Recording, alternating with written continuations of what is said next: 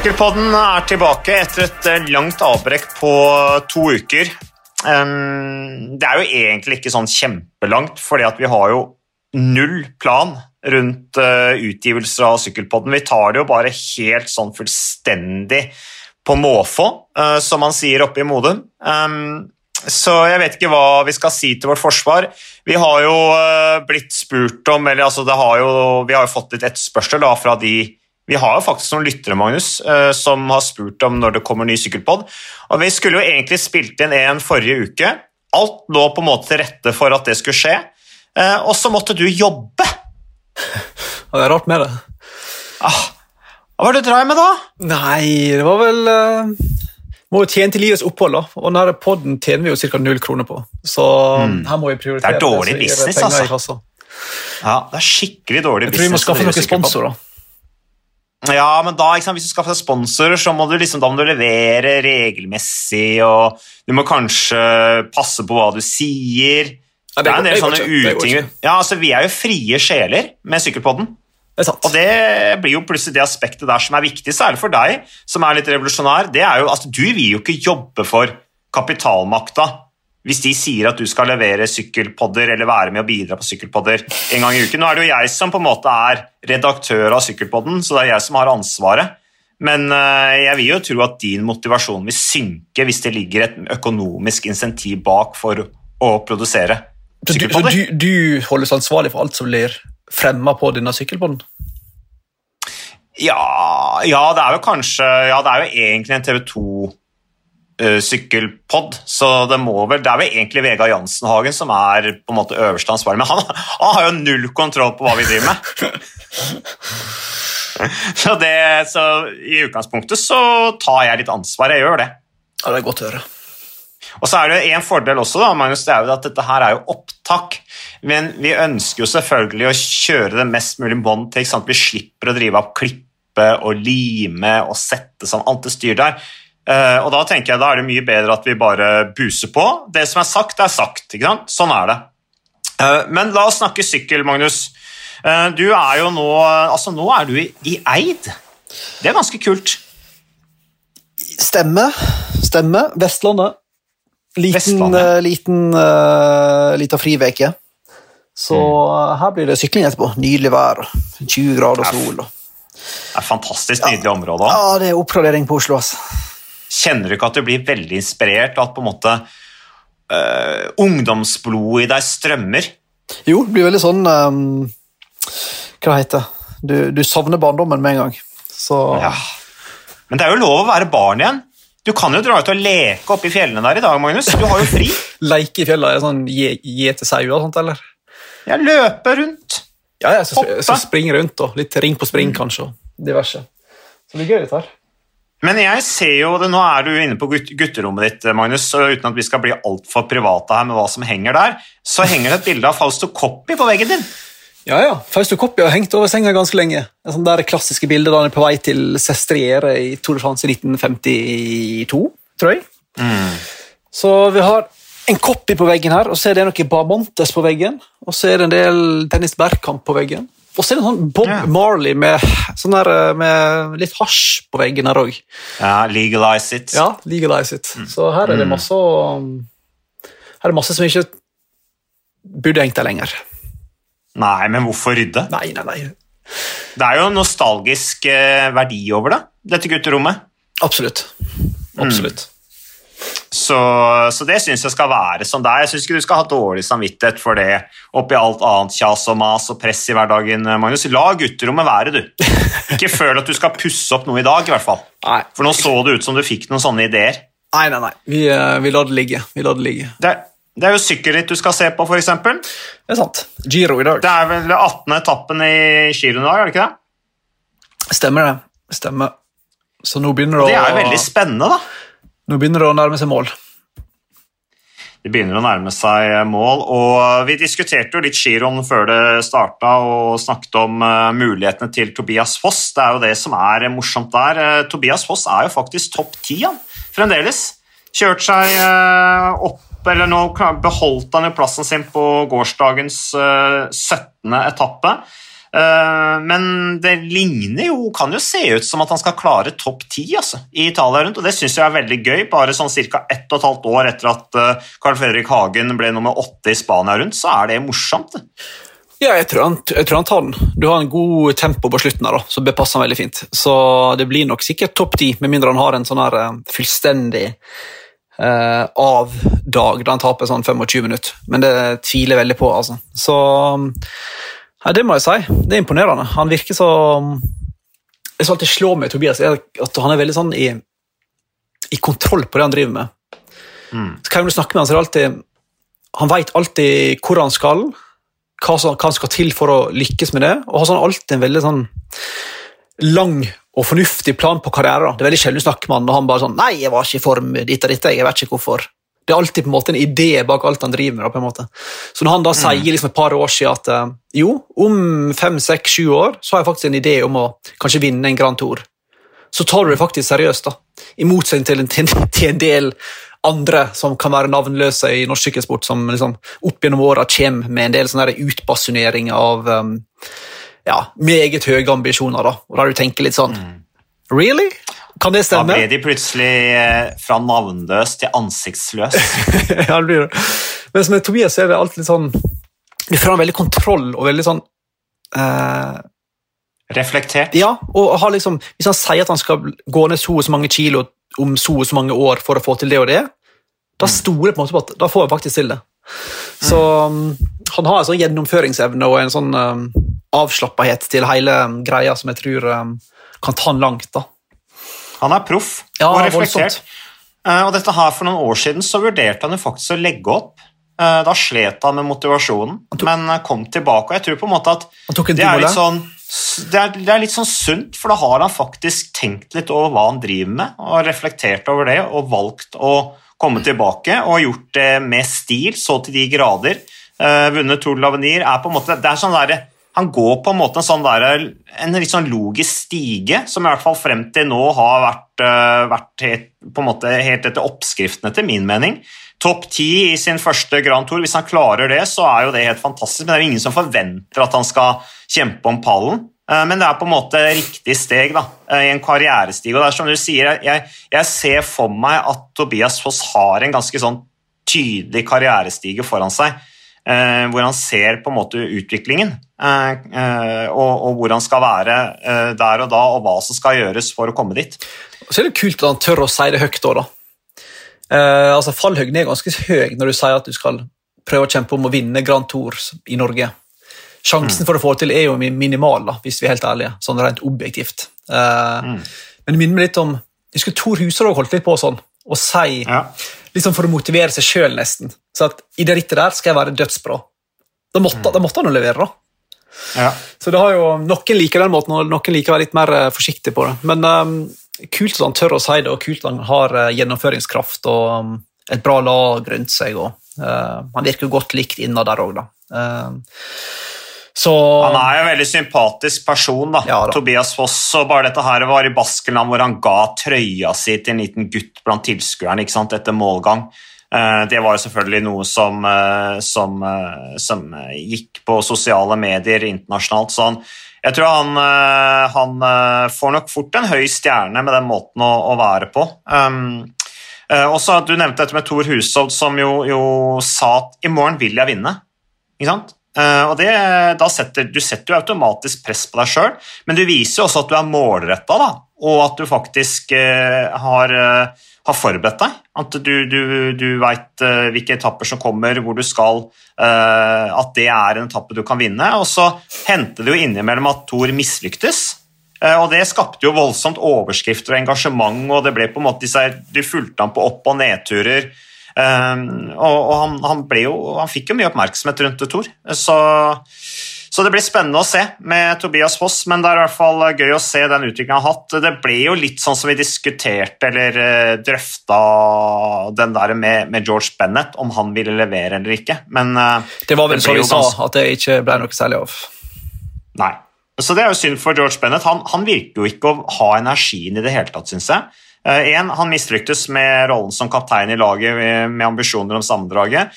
Men når han har gått i brudd Han har jo kommet seg i brudd, men han har jo ikke hatt jeg har ikke sett ut som han har hatt energien og eksplosiviteten til å, til å kjempe om seieren. Det har vært mye frustrasjon osv. Ja.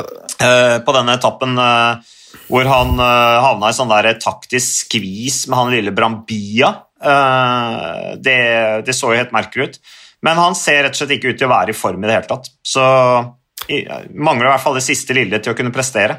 Men apropos den der, um, Du nevnte den hendelsen der Tobias ga trøya seg til en, en, liten gutt i Baskeland rundt. Mm. For de som ikke har sett den, så er det bare å gå inn og google det, eller gå inn på Insta uh, til Lekene Sund var den som la det ut trøya. Han gir trøya si til en liten guttunge der. Vet du hvem han ga trøya til? Nei. For jeg, jeg vet egentlig ikke om Tobias heller veit, men det var jo sønnen til Lander Apperibey, som var proff med Auskaltell noen år her for 10-12 eh, års tid siden. Iker, lille guttungen som fikk trøya. Ja. Jeg, så, jeg, kjente han litt igjen, jeg så på, sto på sideveien der, og så så jeg på instaen hans. Da legger han ut hele videoen og takker jo Tobias så masse for å ha gitt drakta til gutten. Og, uh, så det var jo du, en, en, info du, du har ingen jo, har egentlig behov for å vite, da. men da vet dere det. Jo, gutt... du har jo doktorgrad i baskisk sykkelsport, uh, Magnus. så det her er jo, det er jo akkurat den type informasjon vi er ute etter. Det skal jo være sært, det skal ikke være kommersielt. Og det skal være så utålelig på detaljnivå at de fleste ikke orker å høre på. For, det må jo være målsettingen. For så nå at han eh, Apribay han la ut et sånt bilde fra back in the day fra Giro d'Italia. i og med at det går nå. Og så han mm. la ut et bilde et par dager siden der sønnen er ute og sykler med Tobias Foss i drakt på. Faktisk. så kult. Da. Ja, det er kult. Hæ? Det er kult. Det er kult. Det er glimrende. Det er utrolig bra research av deg, Magnus. Jo, Hæ? Det er fantastisk. at Du kjenner igjen han derre Iker Hva er det han heter for noe igjen? Nei, det var sønnen. Så syklisten heter, ja, det sønnen, ja. Hva heter Lander, faren. Lander Apribay.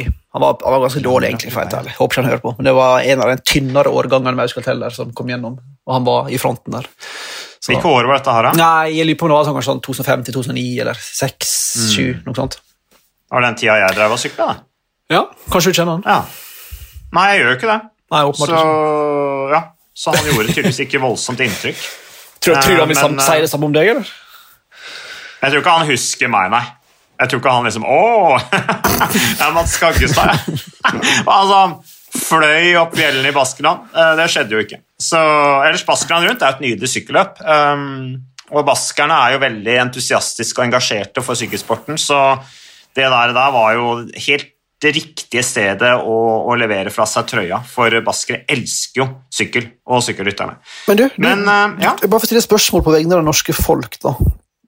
Mm. Vi så jo liksom Carl Fredrik Hagen i Bueltaen og Tobias Foss nå i Giron. Mm. Når tror du det er realistisk at vi får en av disse gutta som faktisk kjemper i uh, Tour de France? Hvor mange år fram i tid må vi være der, så at de får et kapteinsansvar i Le Grand Boucle? Mm. Det er et godt spørsmål, Magnus. Jeg Takk. føler jo liksom at giroen og, og Spania rundt er mulighetenes ritt, egentlig, for uh, up and coming ryttere. Giroen har blitt det mer enn det det var før, syns jeg. Før var det liksom Miguel Indurain og Gianni Bugno. og Det var sånn kobbel av uh, Pantani, ikke minst. Sånn kobbel av, av, av, disse største rytterne som stilte der. De skulle vinne Giron, de skulle vinne Tour de France. Det, det skjer ikke lenger. Um, og så er det på en måte, Nå syns jeg det er en sånn veldig sånn miks mellom noen etablerte, og så er det masse unggutter som får sjansen der gjerne etter et par år hvor de har uh, fått kjørt litt proff. De begynner jo gjerne med Spania rundt, og så går de til Giro Italia, og så lykkes de da, så er veien videre til, til Tour de France. Men, men uh, det er klart, skal du lykkes i Tour de France, en rytter som Tobias Foss, Carl Fredrik Hagen, de har jo potensial til å kunne gjøre det. Hvis de har klart topp ti i Spania rundt Italien, så har de jo potensial til å kunne gjøre det samme i, i, i Tour de France, men da er de jo helt avhengig av hvilke lag de er på. da. Eh, og hvilken rolle de har i laget. Eh, det er jo en viktig del av det. Og så er det klart at konkurransen er nok noe tøffere der, presset er høyere osv. Og, så uh, og da må, da må på en måte Da handler det jo om Tour de France, da, at det er, det er, dit du skal, og det er der du skal prestere. Hele sesongen på en måte planlegges jo i forhold til det, og tilrettelegges for det. Så da må du jo ha den statusen. Eller alternativt at Tobias Foss f.eks. kjører Jumbo er med på Jumbo Visma-laget i fremtiden i Tour de France, og så plutselig er det eh, Roglic at han er på vei ned eller velter, eller at plutselig Tobias Foss står der med, med, med kapteinsrollen eller en fri, fri, fri rolle, sånn som han, han, plutselig endte opp med nå i, Italia rundt. Men sånn som han kjører Italia rundt nå, så ung, så fersk, så tenker jeg at eh, i noen år så kan han være der i Tour de France også. Ja, for det er jo ikke utenkelig at han, hvis han fullfører på en topp ti her og fortsetter å levere gode stat, at han kan være en del av hjelperytterkorpset neste år allerede, f.eks. Mm. Uten at jeg har snakka med noen i Jumbovisma om det faktisk er planen. Så er jo ikke det ulogisk, sammen med, oppsett, med Gregor og eh, Vingegård, mener jeg. Ikke, Gre ikke mm. Gregor Wilsley. Jonas Vingegård og Sepp Køss og de gutta der. Så mm. um, veien er ikke nødvendigvis så altfor lang. Nei, jeg tror du har rett i det. Altså, hvis du presterer, sånn som Carl Ferry Hagen presterer i Spania rundt, og så ser du at han kan være hjelperytter i Tour de France. Tobias Foss presterer nå i Italia rundt, viser stayerevne. Har hatt veldig få, svak, få svakhetstegn, syns jeg. Eh, og presterer gjennom hele Eller på en måte har stayerevnen gjennom hele rittet. Det er klart at Da veit de hva som bor i han. Da kan han kjøre hjelperytter i Tour de France. Eh, og gjør han det, så er det også en god skole. Vi må huske på Team Injos. Der er skolen at ja, du kjører et år eller to hjelperytter, lærer veldig mye, og så tar du kapteinsrollen. Jeg tror at det kan være veien for, for Jumbo Visma også, og det, og det, er en del likhetstrekk mellom uh, Jumbo Visma og, og Injos, syns jeg, måten å, å kjø, uh, gjøre ting, da. Uh, bygge opp lagene til, til, de store rittene. Jeg tipper om sånn om fem-ti år sitter vi og prater om hvor gode Uno X kunne vært hvis de hadde beholdt alle rytterne sine. Mm. Litt sånn som vi gjør ofte med Ajax og med en del andre franske fotballag som, har, mm. som produserer masse talent. Altså, tenk liksom, i, når du hadde liksom eh, Foss og Leknessund og klart Holgård kommer til å ta store steg, det samme vil jo Widerberg og Idar Andersen og Torjus mm. Sleen. Tripper vi Torstein Treen, er mange, da, veldig mange talenter. Tipper vi kommer til å snakke liksom om herregud, for et lag det hadde vært hvis de bare hadde holdt alle samla. Ehm, det er jo selvfølgelig ikke nødvendigvis planen engang. Uh, det, det skal vel sendes ut i verden. Men, uh, ja, Selv om de har uh, langtidskontrakter, så har de en klausul i kontrakten at de kan gå ja, ja. hvis de får tilbud fra, fra World Tour-nivå. så men, men veldig mange av dem kommer til å ta store steg, da. så du kommer liksom til å mm.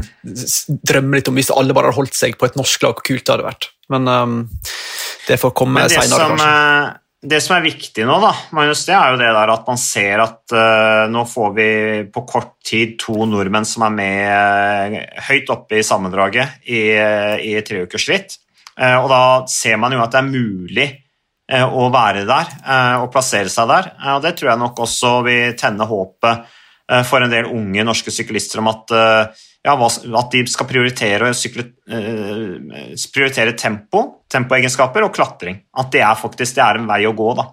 Magnus, du nevnte Uno X. De har jo akkurat kjørt dette her Mercantour Classic Alp Maritim, eh, vunnet av Guillaume Martin. Relativt nytt eh, ritt. Du har funnet ut, du fant vel ut at det skulle vel egentlig gått i fjor også, ble avlyst. Men der kjørte jo også de norske gutta bra. Idar Andersen med en sterk niendeplass i i bra selskap i veldig kupert terreng. var jo bl.a. uh, Col de Colmien, som jo er kjent fra både Tour de France og, og Paris-Nice. Torjus Flen 26 og Sindre Kulseth uh, nummer 32. Lovende uh, klatring av, av de. ellers er det noen andre sykkelløp du har sett på det siste, Magnus? Du pleier jo å sluke det meste. Ja, vi er jo altetende der, da. Uh, men det er vel ikke all verden som har gått i siste. Vi så jo selvfølgelig um, worldcupen i terrengsykling her for ja, det er en stund siden nå, kanskje. Det er jo en ukes tid siden. Mm. ja, vi er jo helt på etterskudd. Ja, vi er helt på etterskudd. Vi er helt på etterskudd. Så det går jo for så vidt ikke så altfor masse om dagen. Det var jo ei helg her ja, Forrige det var vel fem ritt samtidig, blant annet. og da, da tar jo hele dagen. Du skal se alt i mm. opptak og drive og prøve å få med deg det meste. Um, så det er litt roligere tid nå da, før Dauphiné og Sveits og alt begynner å hope seg opp der igjen òg. Og forhåpentligvis NM i Kristiansand-området. Ja. Så det blir en hektisk, uh, hektisk sykkeltid i møte, da.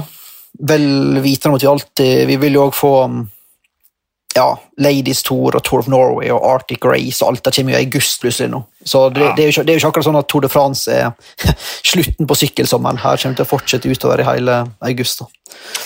Ellers går jo turingen rundt også. Der uh, kjører jo Hightech, eller Team Coop, Hightech Products. Det, tar, det pleier å ta i hvert fall et halvt år før man på en måte venner seg til sånne nye sponsornavn i, i lag. Uh, vi var ganske kjappe på å lære oss DSM, faktisk. Det var utrolig.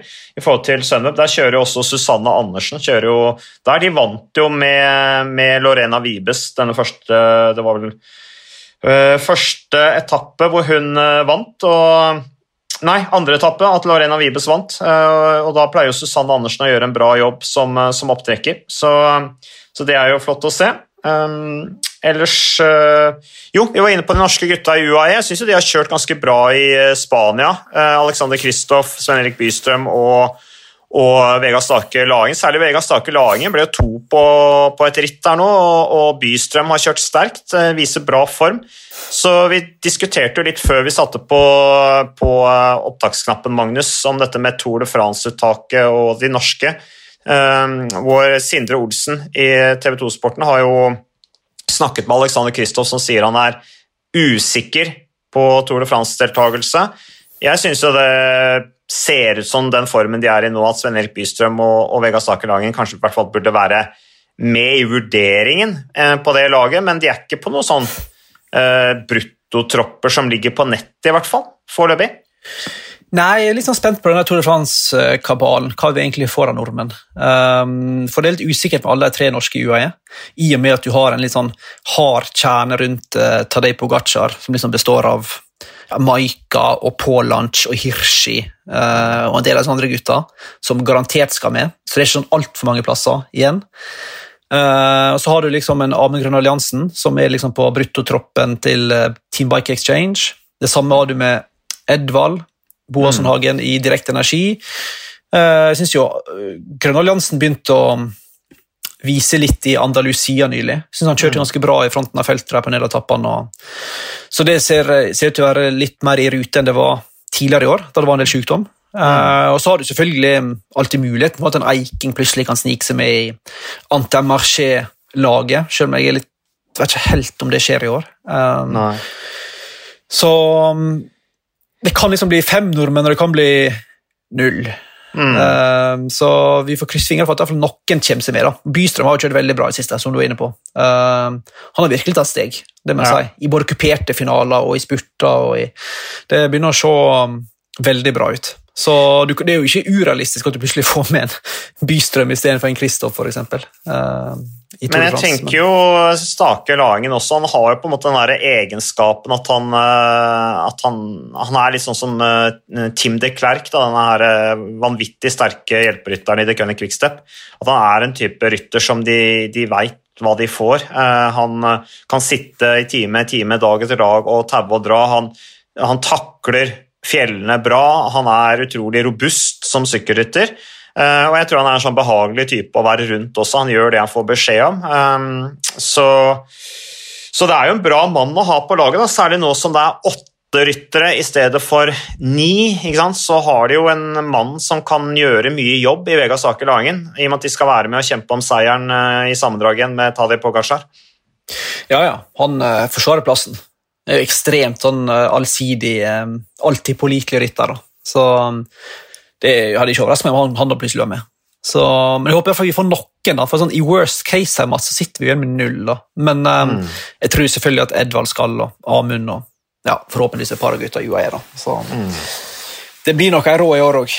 Det blir nok det. det blir nok det. Ellers, eh, ja, Du var inne på, på terrengsykling i Nove Mesto. Eh, det var jo Tom Peacock som vant foran eh, Matthew van der Poel.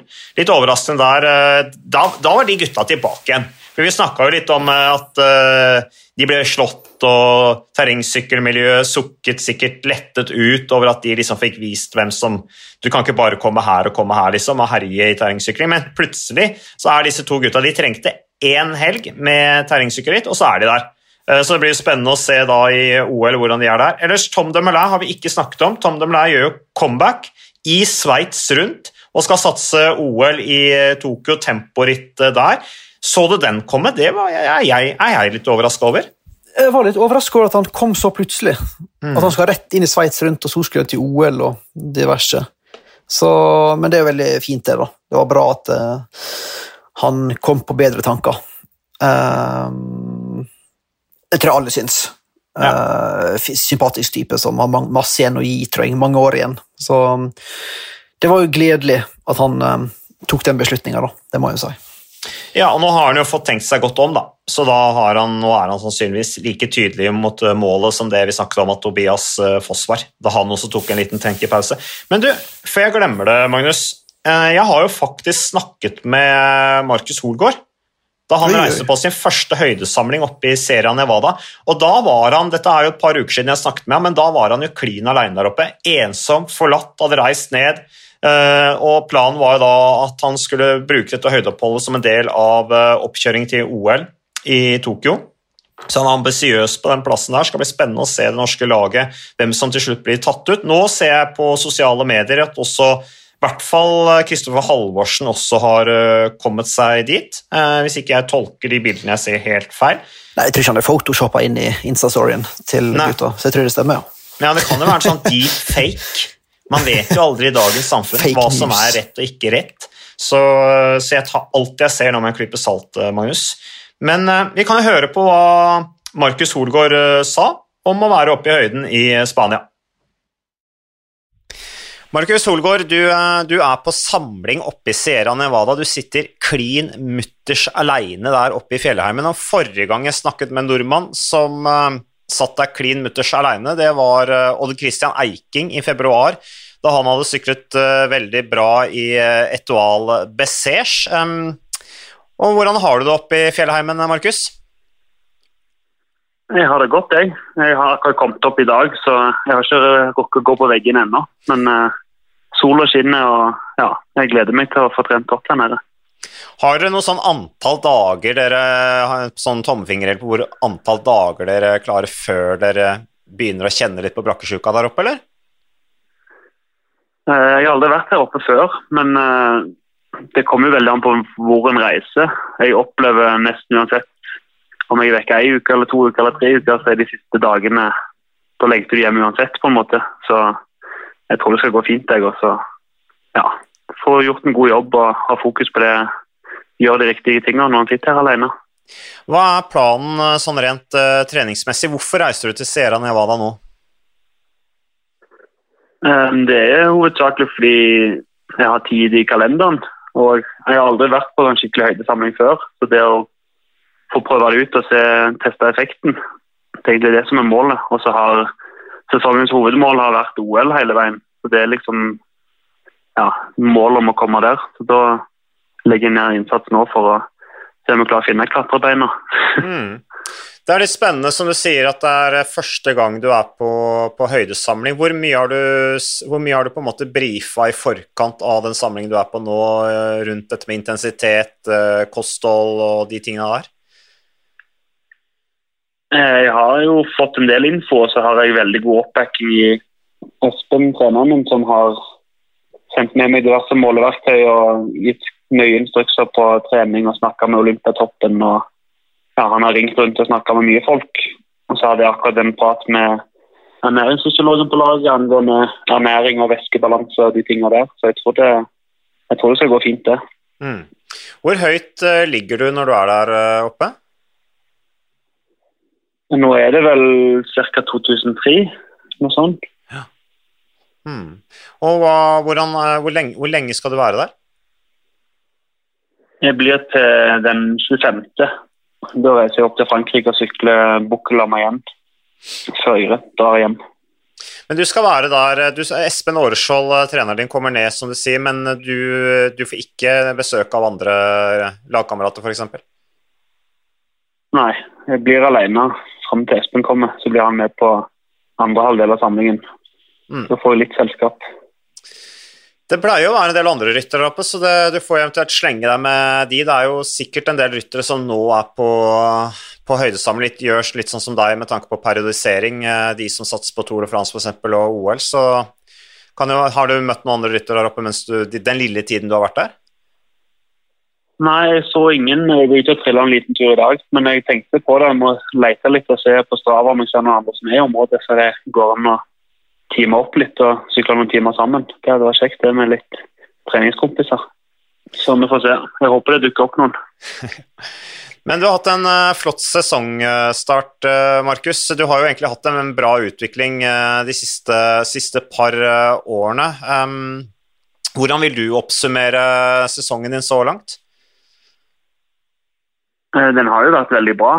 Det har vært litt amputert med ritt som ble kansellert i februar. og mye endagersløp for min del, så jeg hatt ganske få rittstarter. Men jeg syns det har gått bra i de løpene jeg har kjørt, og klart å være ja, være på når du først kjører løp. da. Mm. Og så syns jeg jeg har klart å vise at både meg og laget har noe, noe i de store løpene å gjøre. Så det har vært veldig oppløftende vår sånn sett. Er det noe du tenker at eh, Du kjørte veldig bra i E3 Price med åttendeplassen din der. Eh, du kjørte også solid i Amstel Gold Race, men eh, fikk ikke det helt store resultatet. Er det ting du tenker nå som du kunne gjort annerledes for å lykkes enda bedre i de rittene hvor du for så vidt har kjørt bra? Ja, det er det. Eh, E3 kjente jeg i finalen at jeg mangla løp, rett og slett, så det gikk litt tom. Så Amstel var egentlig mye bedre, mye bedre dag, men da ble jeg boksa inne i spurten, så det er litt sånn ja. Det, på papiret så var jeg edru i beste løpet, men følelsesmessig så var jeg mye sterkere i Amstel, følte jeg. Men da når det ender opp sånn som det blir med en spurt, så er det Jeg er ikke verdens raskeste syklist. og det blir litt sånn, Ikke kalle det bingo, men du må treffe med riktig hjul. Når jeg bommer der i tillegg, så blir det det blir ikke noe stort resultat, dessverre. Men jeg føler jeg får i hvert fall vist opp cowboy siste gang at jeg har noe, har noe der å gjøre. Så ja, så prøver jeg neste år. Mm. Uh, apropos neste år, uh, Markus. Uh, har du noe det, det, svirrer jo en del sånne spekulasjoner om hvilke lag du skal sykle fremover, og det sies jo at du har tilbud fra andre lag. hva kan du si om det? kan vel si såpass at det har vært en del interesse. Litt, egentlig litt mer enn jeg hadde forventa sjøl. Men at ja, jeg har jo kontrakt med UnoX neste år òg. Jeg som på papiret og har det godt her. Så jeg får se hva tida bringer. Men eh, det har kommet litt interesse, ja. Så det, det er kjekt det. At, noen, at, det er noen som legger merke til det en gjør. Mm. Så får, får, vi se hva, hva, det blir til. Hvor, um, hvor, altså, du er jo på et veldig bra opplegg i UnoX, som du selv sier òg. Uh, eh, vi har jo aldri sett maken uh, i, i, Norge. Uh, det er jo et gjennomført profesjonelt opplegg som det, som, det, går an å være i. men i hvor, hvor, stor grad ønsker du å, å komme deg til, til Worldtouren?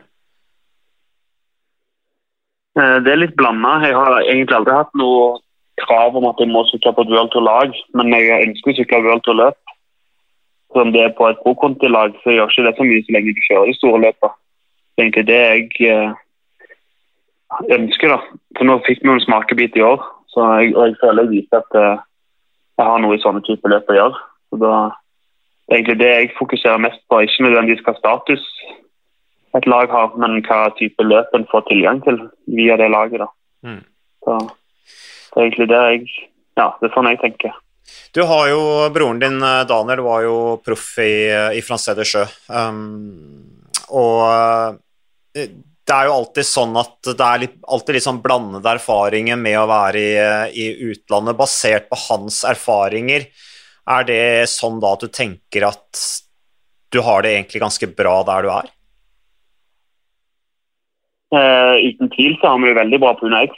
Det kunne sikkert ikke fått det bedre trivselmessig og oppfølging og backing og støtteapparatet vi har. Altså, det er jo veldig dyktige folk, veldig fin gjeng. Så, men så er det jo det om en ønsker nye utfordringer eller større lag, da må en jo søke til utlandet. Mm. Så, men jeg har det veldig bra der jeg er nå. og Så får vi se hva muligheter som dukker opp, og om det er verdt å hoppe på. Nå er det i hvert fall er såpass bra at jeg hopper ikke på hva som helst. Så ja, Det er jo litt det med Daniel som du nevner og andre som har prøvd på franske lag. Så da tror jeg jeg har det vel så godt i. Så mm ja, vi får se hva som eventuelt kommer før, før jeg får ta noen avgjørelser. Men Nå blir det spennende da med høydetrening, eh, Markus. Og så hvor mye ritt skal du da kjøre etter det høydeoppholdet før eventuelt at du reiser til, eh, til Tokyo? Eh, Det blir i hvert fall Bukklam igjen i slutten av måneden, og så blir det Slovenia rundt.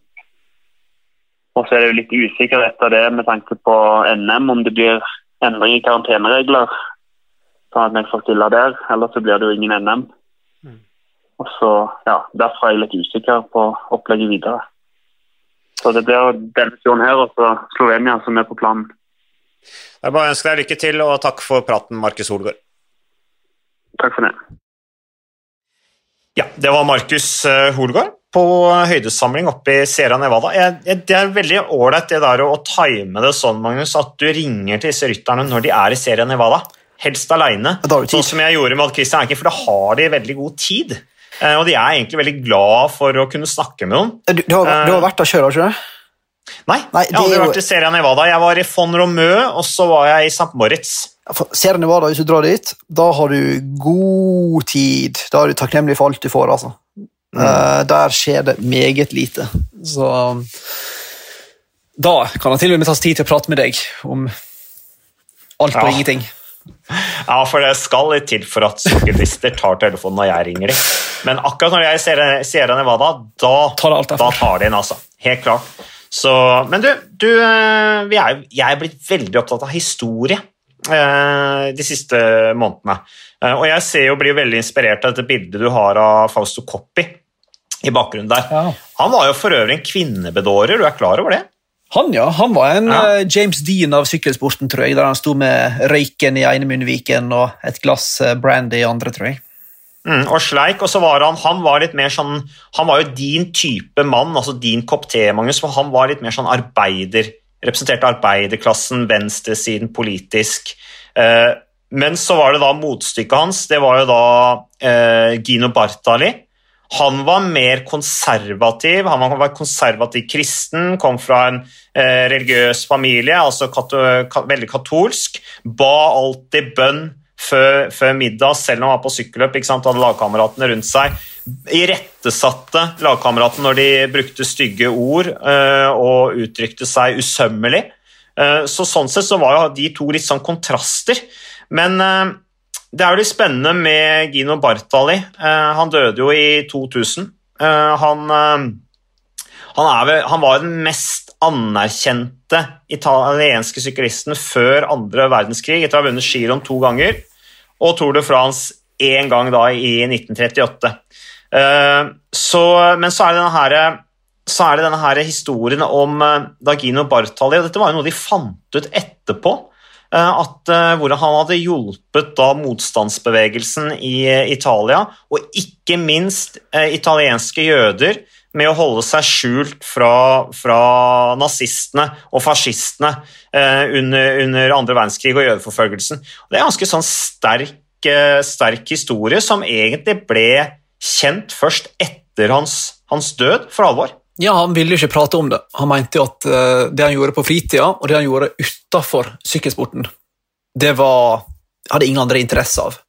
Men klart, når han er da direkte involvert i å redde livet til 700-800 jøder som ble forsøkt deportert under andre verdenskrig, så har du gjort en ganske god jobb.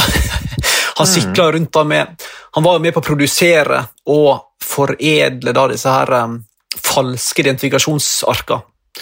Altså Når da folk kom for å hente jødene, så måtte de vise fram identiteten. Og hvis du da kan vise identitet som sier at du å ja, du var ikke jøde likevel, så slipper du å bli mm. frakta ut. da, satt litt forenkla. Så gjemte de liksom da i røret på sykkelen sin, for ingen, port, ingen grensevakt gadd jo på en måte å demontere en sykkel. Sant?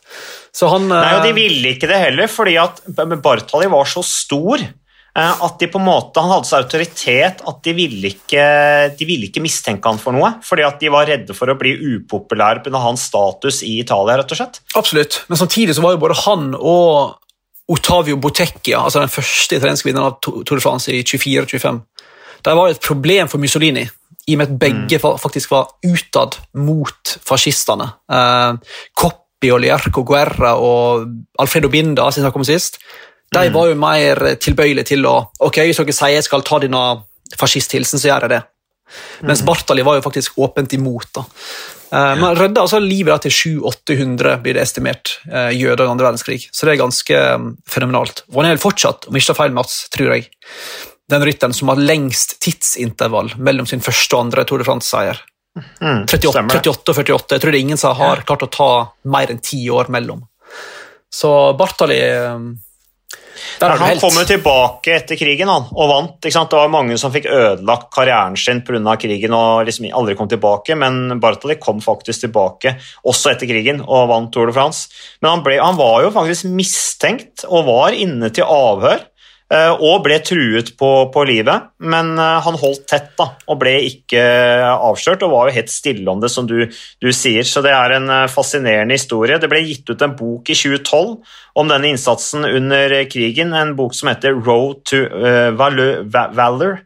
Eller, ja, det må være det det er. Skrevet av Alili og Andreas McCannon, som da fant dagboken hans og laget denne boken da på bakgrunn av det. Så eh, Det det, er, det er stort. Det er så kult. Du nevnte at han var veldig mm, religiøs. Han sykla rundt med sånn Jomfru Maria, eh, liten modell på sykkelen, og eh, via livet sitt til religion. Men han gikk jo òg Jeg skjønner ikke at det går, men han gjorde jo en greie ut av alt det skulle gå i kirka før starten på hver Grand Tour-etappe han var med på. Så- Det er heftig program. Ja, ja, det er heftig program. Altså, vi skal legge inn et kirkebesøk før etappestart i tillegg. Så han var, han var en mann som fikk masse ut av dagen. Mer enn oss, tror jeg, som står opp halv ti på en torsdag. Ja, Men vi er jo den generasjonen ikke sant, som er lost. Uh, alle eldre rister jo bare på hodet når de ser sånne som oss, Magnus. Men nå er jeg snart så gammel at jeg rister på hodet selv over ungdommen. Så det er bare sånn det blir, tror jeg. Men det som faktisk var kult også med Bartholin, jeg først inne på han, er at han hadde jo en hvilepuls på sånn 33-34, tror jeg. Det er ganske lavt for oss vanlige dødelige. i hvert fall. Eh, men han hadde altså så lav hjertefrekvens at når han skulle vurderes til militæret i 1940, i andre verdenskrig, så ville jo sånn her eh, feltlegen eh, erklære han hva det heter, altså ikke stridsdyktig. Uegnet. Ja, uegnet, rett og slett. Helt til enkelte sa til legen at hvis du har vunnet Tour de France og Giro d'Italia, så må du for faen være stridsdyktig i en krig. så da ble, Ja. da ble, han, da ble han erklært frisk nok. Og var med. Et sterkt hjerte. Da har du lav hvilepuls. Men, Sterkt og stort eh, hjerte han- på Bartali. Han eh, var jo litt kjent for eh, måten han syklet på. Han, han sto jo sjelden å tro, og det gjorde de jo mye på den tiden. Da, da hadde de jo så tunge, tung girutveksling sant? at da måtte de stå og trå for å pumpe pedalene rundt med, med kroppsvekten. Men han satt for det meste, og så, og så giret han opp på lettere gir, så han hadde en smidig tråkkteknikk. da. Men så hadde han denne teknikken også at han innimellom så stoppa han å tro, eh, trå i to-tre sekunder, og så la han alltid vekten over på høyrebeinet. Det var en sånn der, nesten en slags sånn fakt han hadde, da, som ble lagt merke til. At han hvilte liksom kroppsvekten og strakk ut det ene benet, da. Sånn innimellom denne litt mer intense tråkkingen enn det konkurrenten hadde, som sto og gampet oppover fjellsidene. Men eh, ja, han la jo opp som 40-åring eh, pga. skade. Men han endte jo ikke opp med noe særlig penger. Han brukte opp alle pengene han hadde tjent. Og han døde jo da etter et eh, hjerteinfarkt i 2000. da. Og han var jo veldig populær. Eh, Etter døden så sendte faktisk den italienske statsministeren og presidenten i Europakommisjonen kondolansehilsener, så det sier litt om, eh, om eh, statusen hans. Og italienske olympiske komité ba om to dagers landesorg. Så dette her var en stor mann. Ja, og så er han, har siste året faktisk blitt en slags sånn der uh, helgen for Israel Startup Nation òg. De driver jo og skriver masse om eh, Bartali, og han har fått tildelt en sånn her um, jødeordenpris. Uh, ja. Ja, Wassem. Ja, han har fått et annet sånn utmerkelse for alt han har gjort. Det er, det er hebraisk for ett minne og ett navn. Um, som da, det er en israelsk organisasjon da, som, eh, som til minne for ofrene, og de som også kjempet mot holocaust da, og den nazistiske jødeforfølgelsen under krigen. Så det Ja, han er kjent for mer enn å bare sykle nå. Dino Bartali. Absolutt. Men da tror jeg vi har tatt det meste, Magnus. Nå skal jo du opp og løpe i fjellene. absolutt. Og du skal ta situps og armhevinger i stua?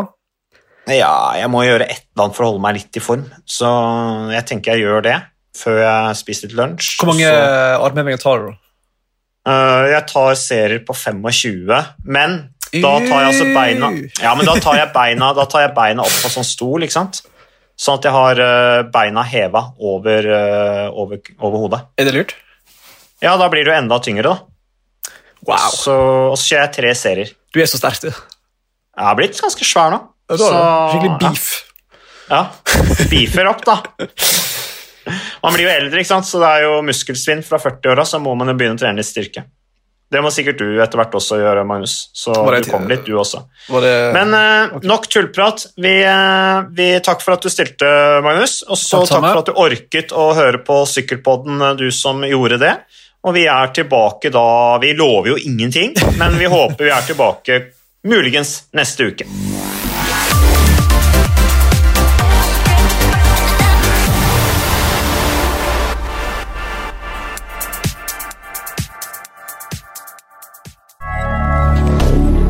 Moderne media.